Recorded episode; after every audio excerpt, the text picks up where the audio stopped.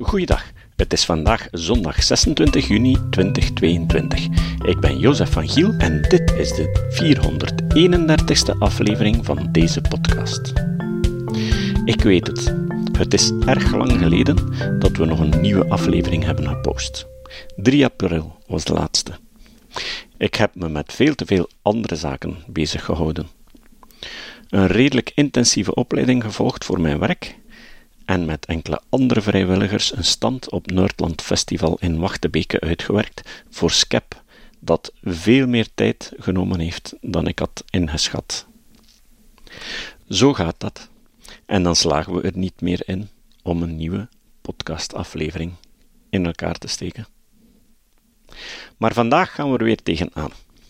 In aflevering 423 en 424 hebben we Jacques van Rillard gehoord over Freud en de psychoanalyse. Maar na die presentatie was er een gesprek met Jacques, Maarten Boudry en Geert Machiels. En ik heb die opgenomen. Het was zeer interessant. En ik laat het jullie vandaag en volgende keer horen. Panelgesprek over Freud. Goedemiddag iedereen. Ja, ik, uh, ik denk dat we gewoon een beetje informeel gaan spreken en elkaar aanvullen, dus ik zit hier niet echt. Het is ergens zwevend tussen moderator en uh, deelnemer aan het gesprek. Ja, ik, ik heb natuurlijk allerlei vragen uh, die, ik, die ik zou willen stellen. maar iets dat mij altijd gefascineerd heeft, en daar, daar wil ik misschien Jacques nog wat meer over horen, en misschien kan Geert dan ook aanvullen, want ik weet dat eigenlijk ook niet van Geert. De, namelijk de volgende vraag de bekering zelf. Dus het moment dat je ja, eigenlijk beseft dat je bent beetgenomen, zoveel jaar lang, door Jacques Schotte, door, uh, door, door Lacan zelf. Fantastisch dat je die trouwens ook ontmoet hebt. Uh, heb, je, heb je hem gesproken toen in, in Leuven of, uh, of gewoon ja, geluisterd? mee gegeten. Mee gegeten zelfs? Ja. Wacht, ik, ik ben, met, mijn vraag is nu al... Daar, daar kom ik meteen toe. het diner met Lacan. Maar, dus ik heb ik heb uit, uit uw lezing begrepen, en ik, ik ken natuurlijk ook een beetje jouw achtergrond, dat je zelf destijds wel heel hard overtuigd was van de, van de psychoanalyse. En nu heb je vooral verwezen naar het boek van Henri Ellenberger uh, uit 1970. Dat is dus blijkbaar al belangrijk geweest in de bekering, maar moet ik mij dat dan voorstellen als een abrupte bekering? Of is dat een beetje zoals bij religie, dat je dan eerst een heel gematigde gelovige wordt en steeds verder afdrijft eigenlijk van de doctrine kan je, kan je een bepaald moment aanwijzen waarop dat je besefte van niet, niet alleen sommige vormen van psychoanalyse zijn schadelijk of verkeerd, maar de psychoanalyse als geheel is eigenlijk een, ja, een illusie. Of, uh, dus we gaan de micro een beetje doorgeven, vandaar, ik heb nu nog een lange vraag gesteld, maar het is nu wacht, gerust een even lang antwoord. Hè. Ja, dus uh, mijn bekering uh, van de psychoanalyse en ook van de godsdienst, dat, dat ging helemaal parallel. Dat heeft toch uh, nogal geduurd. Uh, ik zou zeggen bijna tien jaar. Dus ik had uh, het geluk van een beurs te krijgen van de Nederlandse staat. Ja, om dus in Nijmegen zes maanden te gaan als wetenschappelijke medewerker. En ja, ik, ik viel daar in een, in een groep uh, klinische psychologen waarvan geen enkel uh, psychoanalyticus was. Dus er was een die terugkwam van, van Amerika, van bij Carl Rogers. En er was een ander die, die ook in Amerika geweest was en in Londen en die deed gedragstherapie. En ja, die kleine bende, er was een stuk of uh, vijf, zes studenten, die, die hadden geen enkel eerbied meer voor psychoanalyse. Het was in 68, dus het was ook het jaar waar veel zaken veranderden. Huh? Waar, men had een zeker plezier om de autoriteiten in vraag te stellen. En ja, in, in, in Leuven-Frans was toen de psychoanalyse de, de, de rechte theorie, de echte theorie. Dus ik had ook dan toch wel een beetje het plezier om beginnen, om, om vragen beginnen te stellen. Nog het is een heel ingewikkelde zaak, ik ga alles niet vertellen, maar bijvoorbeeld toen ik in, in Nijmegen kwam, vroeg de, de, de prof daar, wat, wat, kun je doen? En ik zei, ja, ik heb mij al uh, goed uh, gespecialiseerd in de Rorschach en ook in een andere test van zon die, ach, zeg dat toch. Ja, er is nu thesis gemaakt bij ons over de zon die test, die is niet zwaar. Oh. Ja, en in Utrecht is er een zeker van Riemsdijk die een heel dik boek geschreven heeft over de Rorschach. Die test die deugt ook niet. Dus het, begon heel slecht, dat was de, de, de eerste dag. De eerste dag. Ja, dus u, weet misschien, u, kent misschien de theorie van Vestinger. Hè?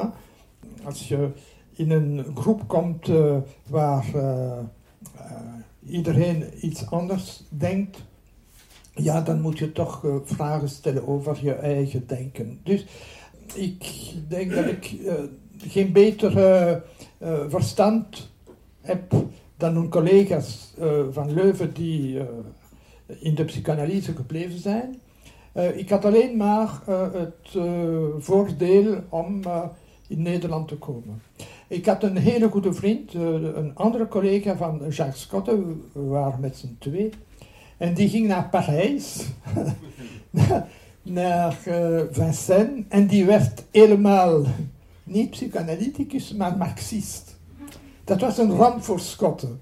Want ja, ik keerde mij naar de wetenschappelijke psychologie, de andere naar, naar het marxisme. En Schotten was een analyticus, helemaal van rechts gezien. Dus uh, het was, hij was zeer teleurgesteld. Maar dat heeft dan toch veel tijd genomen. Want ik werd op een moment uh, zeer teleurgesteld door, door die, die prikla, uh, die, die blabla van Lacan. Huh? Uh, zoals Maarten mij vroeg, heb je Lacan van dichtbij gezien? Ja, ik had, toen hij in Leuven kwam, de dag erachter, hij bleef de hele dag van een kleine groep. En ik had de eer van te eten juist voor hem. Dus ik heb, en ik maakte mijn thesis in 72 dus over agressiviteit in de psychanalyse. En uh, Scott had mij gezegd, ja, stelt enkele vragen aan Lacan uh, over uh, je, toekomende thesis. En ik vroeg aan de meester, ja, heb je nieuwe ideeën? En hij begon te praten. En ik begreep praktisch niets. En Schotten ook niet. De mensen rond mij, het was heel vreemd. En dan is er nog een een andere anekdote waarmee ik ga eindigen, want het is toch een lang verhaal. Lacan in, uh, in een interview op televisie eindigt zijn interview met twee zinnen die ik uh, goed van buiten geleerd heb. Hij zegt: L'interprétation doit être prête pour satisfaire à l'entreprès, car ce qui dure ne parie que du père au pire. En uh, ja, het is, je kunt het niet gemakkelijk zo begrijpen. Uh, en dus mijn collega's die steden twee avonden om die zinnen te begrijpen. Nu was er een van die analytici die in controle bij Lacan was, die dus naar Parijs ging. En hij vroeg aan de meester, ja, wat eigenlijk betekent het? Want er waren een heleboel uh, betekenissen gevonden. En Lacan zegt, j'ai dit ça pour les assonances, omdat het goed klonk. In feite, het had geen betekenis. Dus uh, ze hadden daar twee avonden over nagedacht en betekenissen gevonden. En Lacan had zo maar met woorden gespeeld. En dus vanaf die moment uh, zei ik me, ja, er zijn misschien nogal andere teksten waar, dat het niets betekent. De, de, de, de vraag van, van die Lacanianen, dat is altijd, wat betekent het nu feitelijk? En dus gaan discussiëren, discussiëren, ruzie maken soms, maar soms betekent het niets. Hè? Ja, en uh, dus uh, op een dag uh, had ik er genoeg van. ik vond dat het ook zeer hetzelfde was als de godsdienst. Hè? Bijvoorbeeld het mythus van Adam en Eva. Hè? Dan zegt men, ja, maar je moet het niet juist begrijpen zoals het daar in de Bijbel staat. het is een metafoor, een beeld. Ja, maar het is niet zo dat ik het geleerd heb toen ik catechismus volgde. En dus voor, voor de psychanalyse was het ongeveer hetzelfde. En dus vooral, ik eindig daarmee, ik had dus toch gezien in uh, Nijmegen hoe men uh, gedragstherapie deed. Voor fobieën, enkel voor fobieën. Dus uh, Aad die, die mij dat... hij, hij me liet komen gedurende de sessies van gedragstherapieën. En ik heb dus mensen gezien die bang waren voor duiven, voor, uh, voor liften enzovoort. En ja, die, die waren daarvan af. En dan gingen ze beter. Want in de theorie van Freud, als je die symptomen wegneemt, ja, dan, dan, dan is er meer spanning in, in het systeem en dan gaat het slechter. Maar dat was absoluut niet het geval. Dus ik had dus ook de indruk dat tenminste voor de fobieën er iets beter was dan psychologie en enzovoort. Zo op een dag, uh, ja, dan ineens, hap, weegt het alles weg.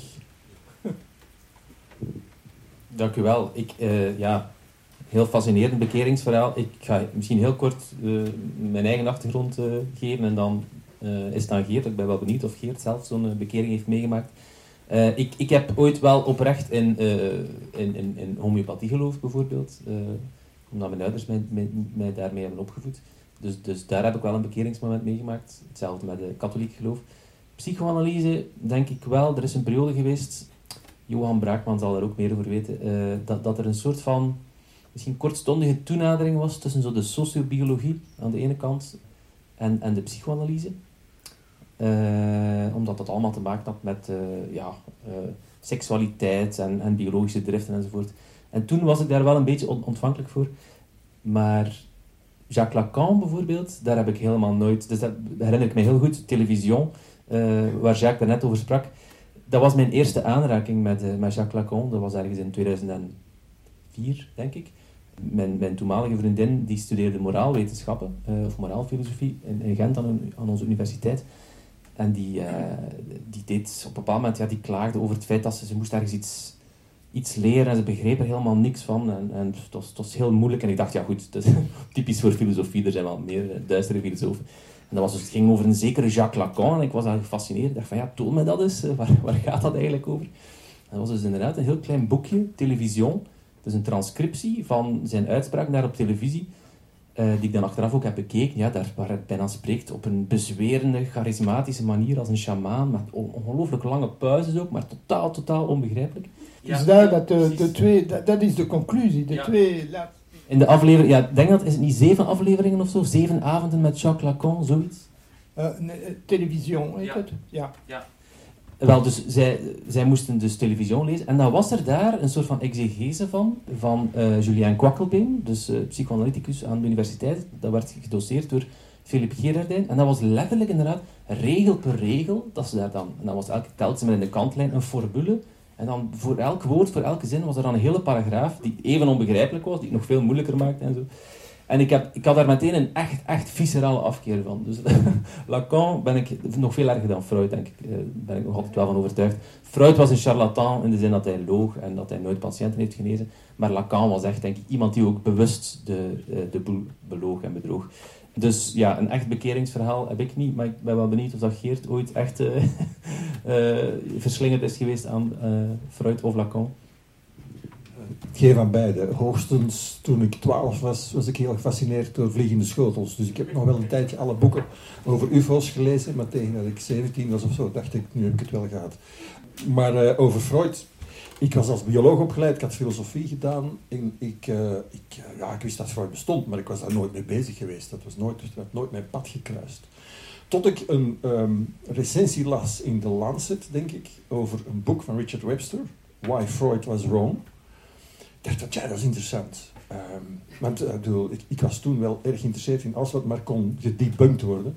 Dus ik dacht van, ah, Freud kan ook gedebunked worden. Dus ik, ik ging dat boek van Webster lezen en de schellen vielen van mijn ogen. Ik dacht dat, als ik dit eerder geweten had, dan had ik uh, eerder iets kunnen doen. Dus ik schrijf daar een recensie van. En ehm, op vraag daarvan word ik gevraagd op de UiA. Ik, was, ik had er ooit mijn burgerdienst gedaan op het departement van pedagogie. En ik word gevraagd om daar een gastles te geven over dat onderwerp. In, in de cursus um, kennismanagement uh, heette dat toen. Dat was heel modern. Kennismanagement was eigenlijk gewoon wetenschapsfilosofie. En ik begon toen uh, eigenlijk aan de, de, basis van mijn boekje Freud en Darwin op de sofa. Dat was... Uh, want ik dacht van, er, zit methodologisch iets um, goed fout bij die Freud. En toen kwam ook nog een nieuwe vertaling van On the Origin of Species uit in het Nederlands. Dus ik, ik las als bioloog toen voor de eerste keer Darwin in het echt. Dat was ook een openbaring was, want in vergelijking met Freud was dat zeer helder, zeer duidelijk, eh, zeer eenvoudige, inzichtelijke taal. En dus ik, ik begon ja, parallel die twee met elkaar te vergelijken. En dan, ja, ik, ik laat uiteindelijk in mijn boek de lezer zelf de conclusie trekken, hè, wat het, uh, het verdikt is. Want alles wat er aan bij, bij Freud fout kan gaan, wetenschappelijk gezien, dat gaat ook fout. Ik bedoel, het is sectarisch, het is, uh, hij bedriegt, hij doet eigenlijk geen onderzoek. Hij, hij laat zich door zijn eigen theorie, in de theorie, zijn eigen hypotheses in de luren leggen. En hij speelt uiteindelijk de, de hoofdrol in zijn eigen film, hè, in zijn eigen scenario, in zijn eigen toneelstuk. Um, en dat moet je hem toegeven. In dat opzicht is hij geniaal natuurlijk, hoe hij dat gedaan heeft om iedereen rond zijn vinger te draaien, om iedereen te misleiden, om zoveel mensen mee te krijgen. Degenen die niet pasten in zijn verhaal eruit te smijten, die zijn dan met al die scholen begonnen, waar we nu nog altijd last van hebben. Uh, dus dat was een heel fascinerend verhaal, dat, wat ik tot nu toe nog altijd een beetje meesleep, omdat dat interessant blijft. De manier waarop daar moeten we het misschien zo dadelijk nog over hebben, de manier waarop die psychoanalyse in al haar vormen uh, binnensluipt in allerhande opleidingen en, en niet alleen in de, vooral niet meer in de geneeskunde, maar, maar in kunstopleidingen, in, in uh, uh, vrijwilligers die opgeleid worden om bij hulplijnen te helpen en zo, in de geestelijke gezondheidszorg, uh, langs de psychologenkant, langs de kunstenaarskant. Zelfs, zelfs jonge mensen die een modeopleiding volgen in Antwerpen, die komen vroeg of laat een filosoof tegen die hun eigenlijk de psychoanalyse uh, oplepelt. Waardoor, en dat doet mij denken aan het verhaal dat jij net vertelde, op een bepaald moment word ik opgebeld door een, vriend van mij, die zijn zoon volgt die modeopleiding. En die zegt, Geert, kan je niet helpen, want onze Eduard, die, die moet hier een werkje maken over een tekst en hij weet echt niet wat hij ermee moet doen. Ik zeg, ja, stuur maar eens door. Dus ik ben dat te lezen echt een, psychoanalytisch obscure constructie. Dus ik denk van ja, hoe kan ik nu een jongen van 18, 19 gaan duidelijk maken wat hier allemaal fout aan is, zonder dat die uh, gebuist wordt op zijn examen. Want dat is natuurlijk een volstrekt onbelangrijk vak, maar je moet er wel door zijn en hij, hij is niet in de situatie om zo'n zo'n zo zo psychoanalyticus van weerwerk te voorzien natuurlijk. Hè. Daar wordt onmiddellijk onder tafel gepraat.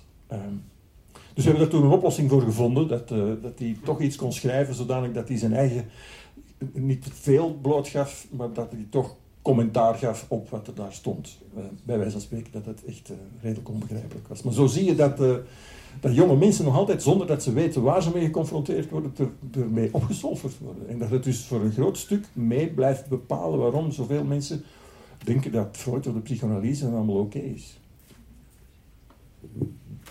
Ja, dus in die zin hebben wij nooit echt uh, hevige cognitieve dissonantie ervaren, omdat inderdaad de dissonantie is groter naarmate dat je ja, uh, van bij aanvang sterk overtuigd was en vooral wanneer je het publiek hebt uitgedragen. Hè?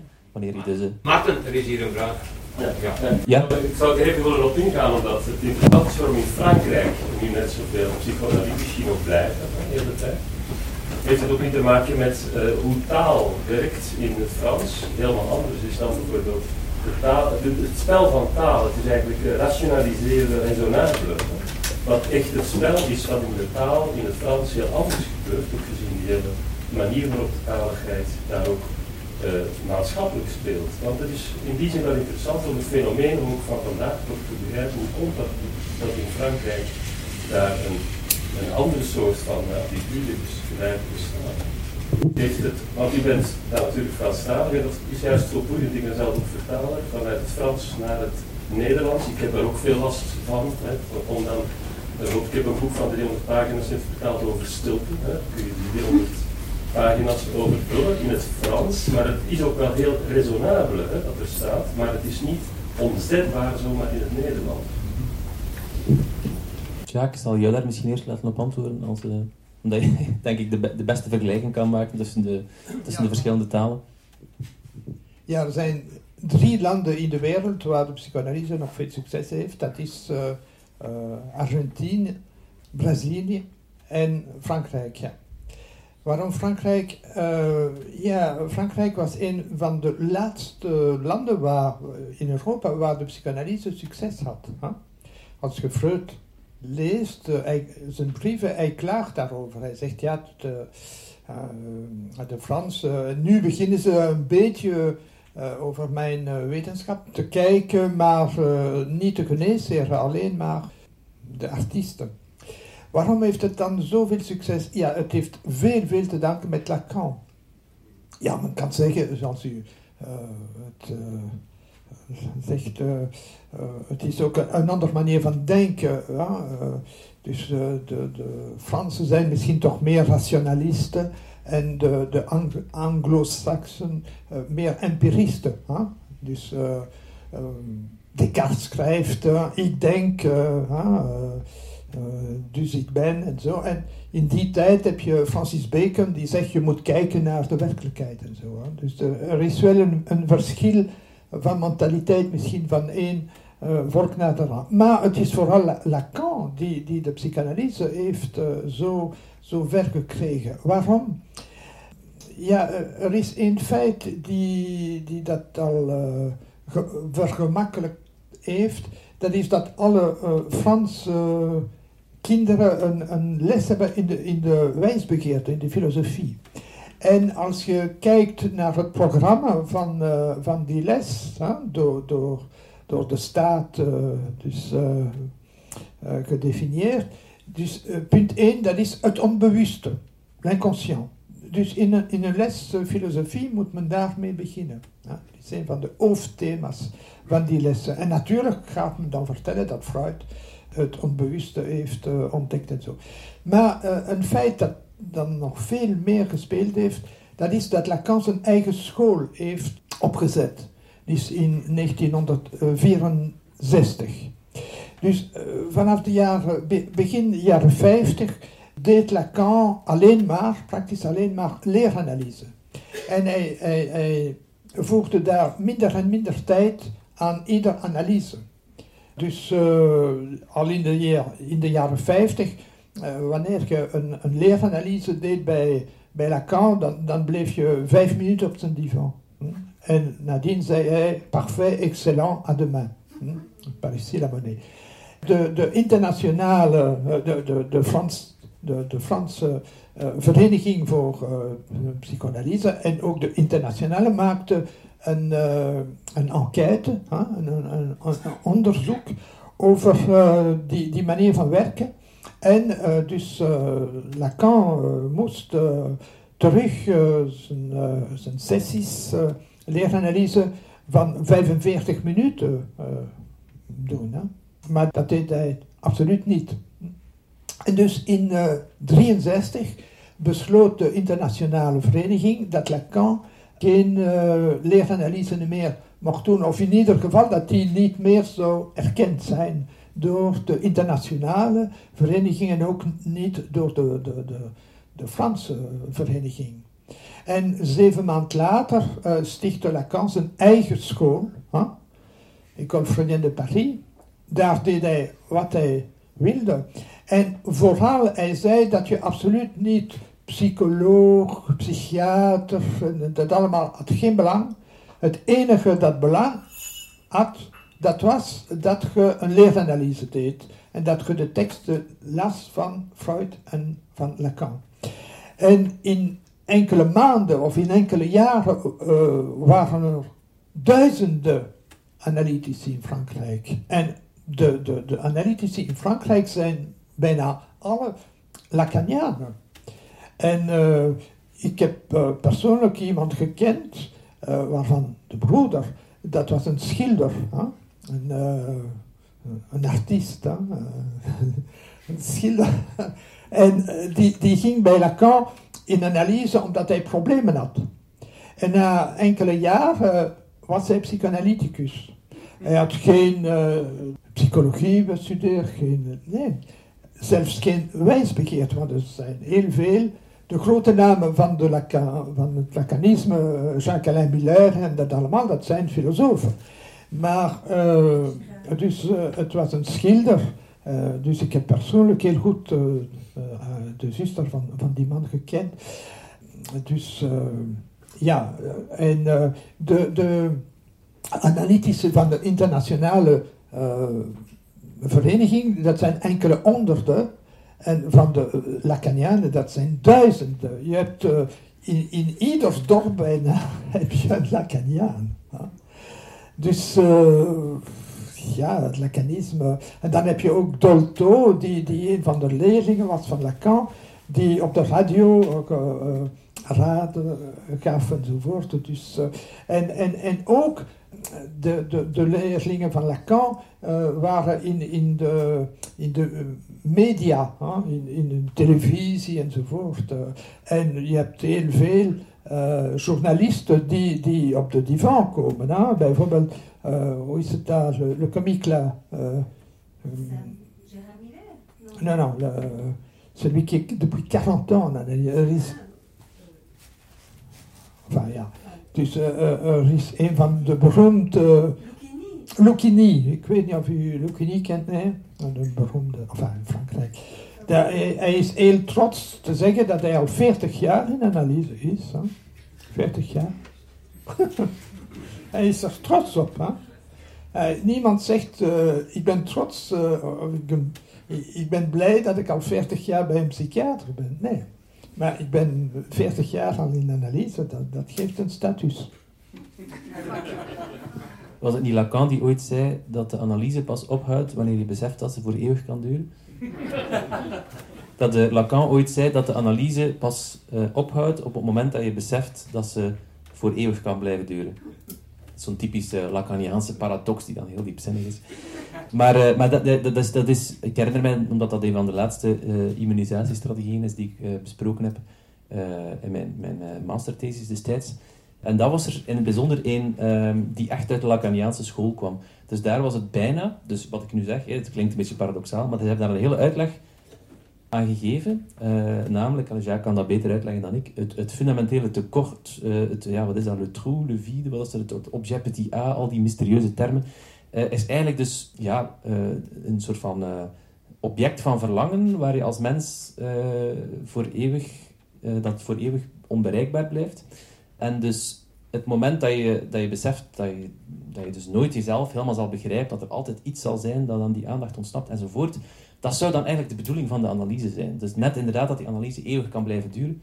En nu kom ik eigenlijk bij uh, ja, wat, de, wat, de, wat de psychoanalyse vandaag nog uh, betekent, dat, dat dat concept van de fundamentele tekort uh, dook onlangs op in, in een interview in de in NRC Handelsblad, dus de Nederlandse krant, met Paul Verhagen, dus een Vlaamse psychoanalyticus, hier ook docent aan de Universiteit Gent, al is het nu denk ik, is hij nu denk ik op emeritaat. Ja, inderdaad, want dat is de aanleiding voor het interview. Uh, een journaliste van de Standaard, uh, die misschien bij hem in analyse is geweest, weet ik veel. De, geruchten doen de ronde dat er, uh, dat er inderdaad journalisten zijn die daar in ieder geval kind aan huis zijn. Dus een journaliste van de Standaard heeft een interviewboek met hem geschreven. De titel is, geloof ik, wat brengt u hier? Omdat dat eigenlijk de frase is die, die Paul altijd in zijn, in zijn therapie-sessies gebruikt. Eigenlijk wat hij aan elke patiënt vraagt. En daar, en ze hebben dat ook als titel van het, van het interview gebruikt, zegt hij, ja, we, of ik weet niet of, hij dan de psychoanalytici bedoelt, we hebben een uh, karikatuur gemaakt van het Oedipuscomplex en uh, de castratieangst enzovoort.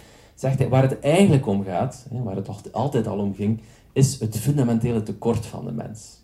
Dat is misschien dat de castratie dan een soort van symbolische castratie is, iets dat je hebt, maar dat je kwijtspeelt of dat je voor eeuwig naar verlangt.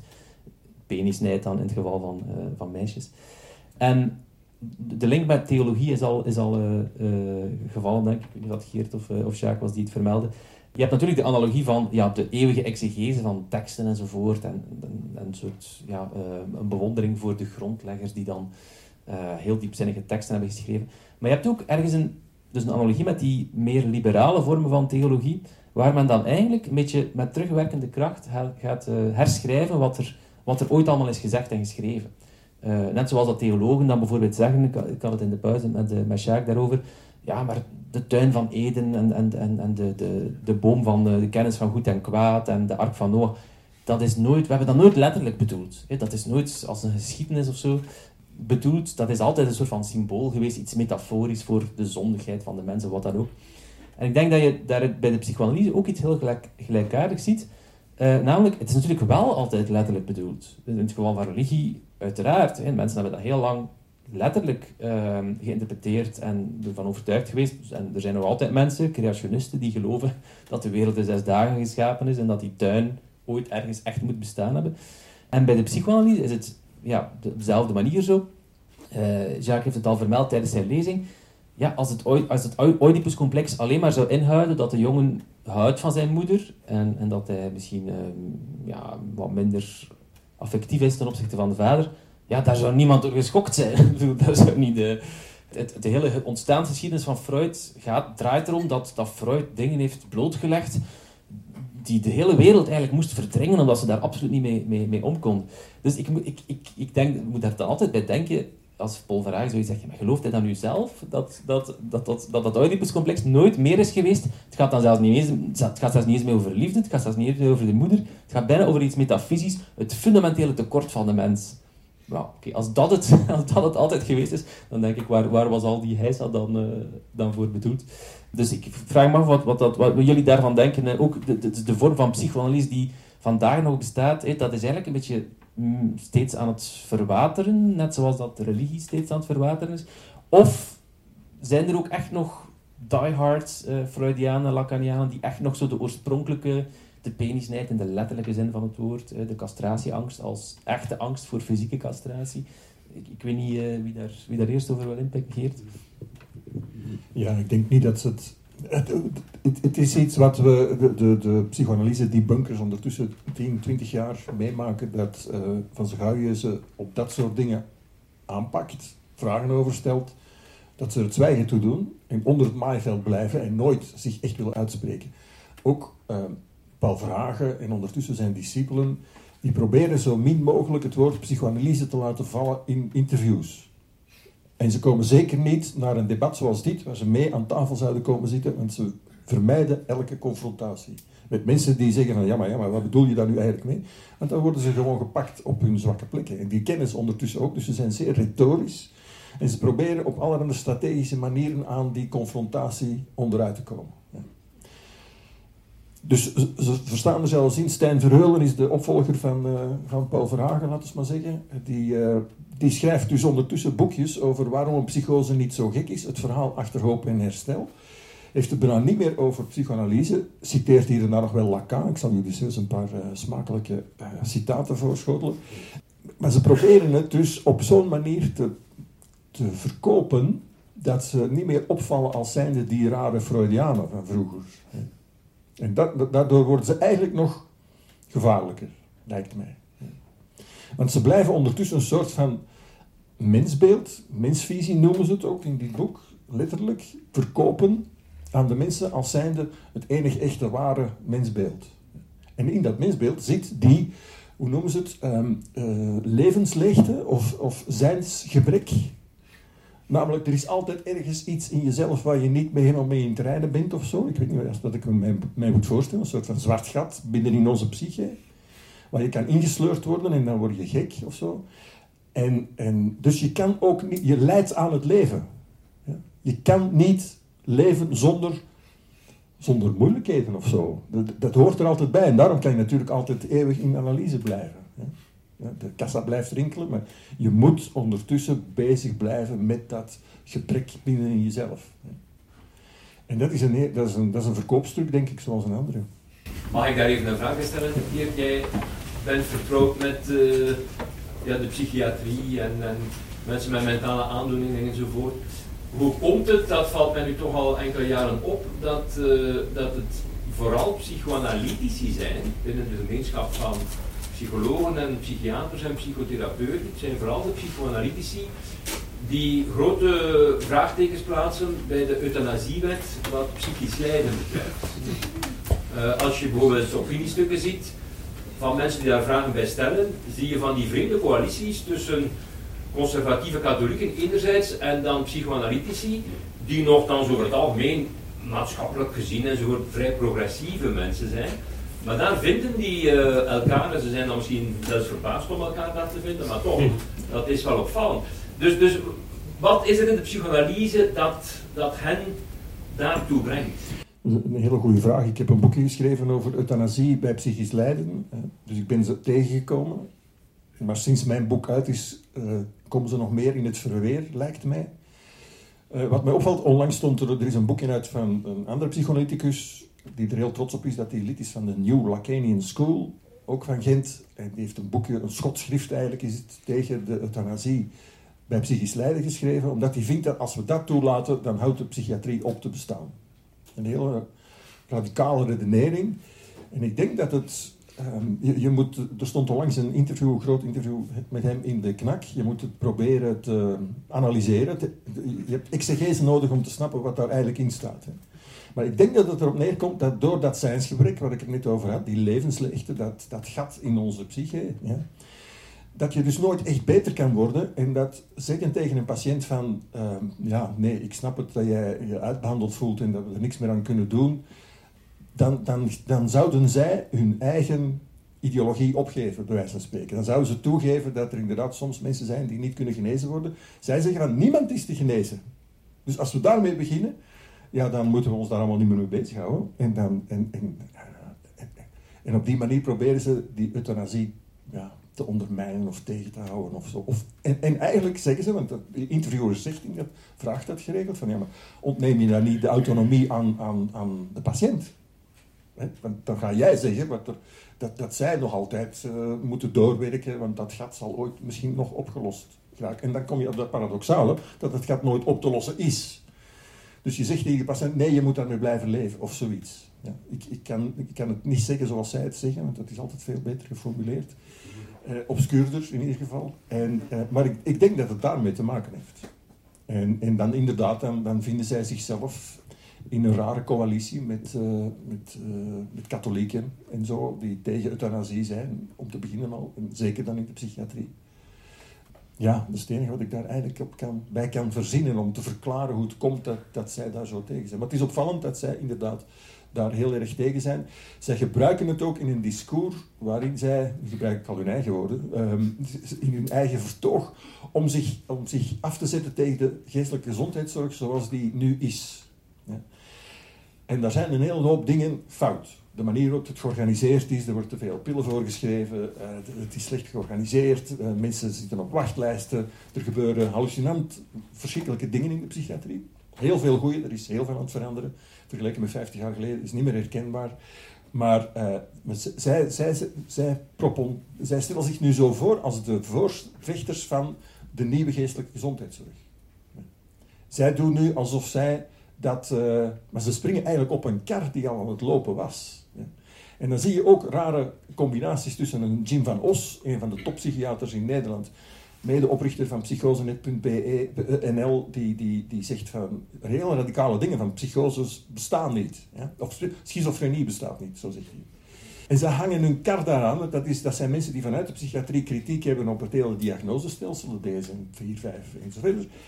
En, en, en zij laten zich met hun wagentje meetrekken door heel die trein. En daarom heet dit boek ook een verhaal achter hoop en herstel. Want herstel, voor de mensen die het niet goed weten of, of nog niet zouden kennen, is een hele beweging binnen de geestelijke gezondheidszorg die ervan uitgaat dat iemand uh, niet van zijn symptomen per se vanaf moet zijn, maar wel moet proberen zodanig geholpen te worden en ondersteund dat hij een betekenisvol leven kan leiden.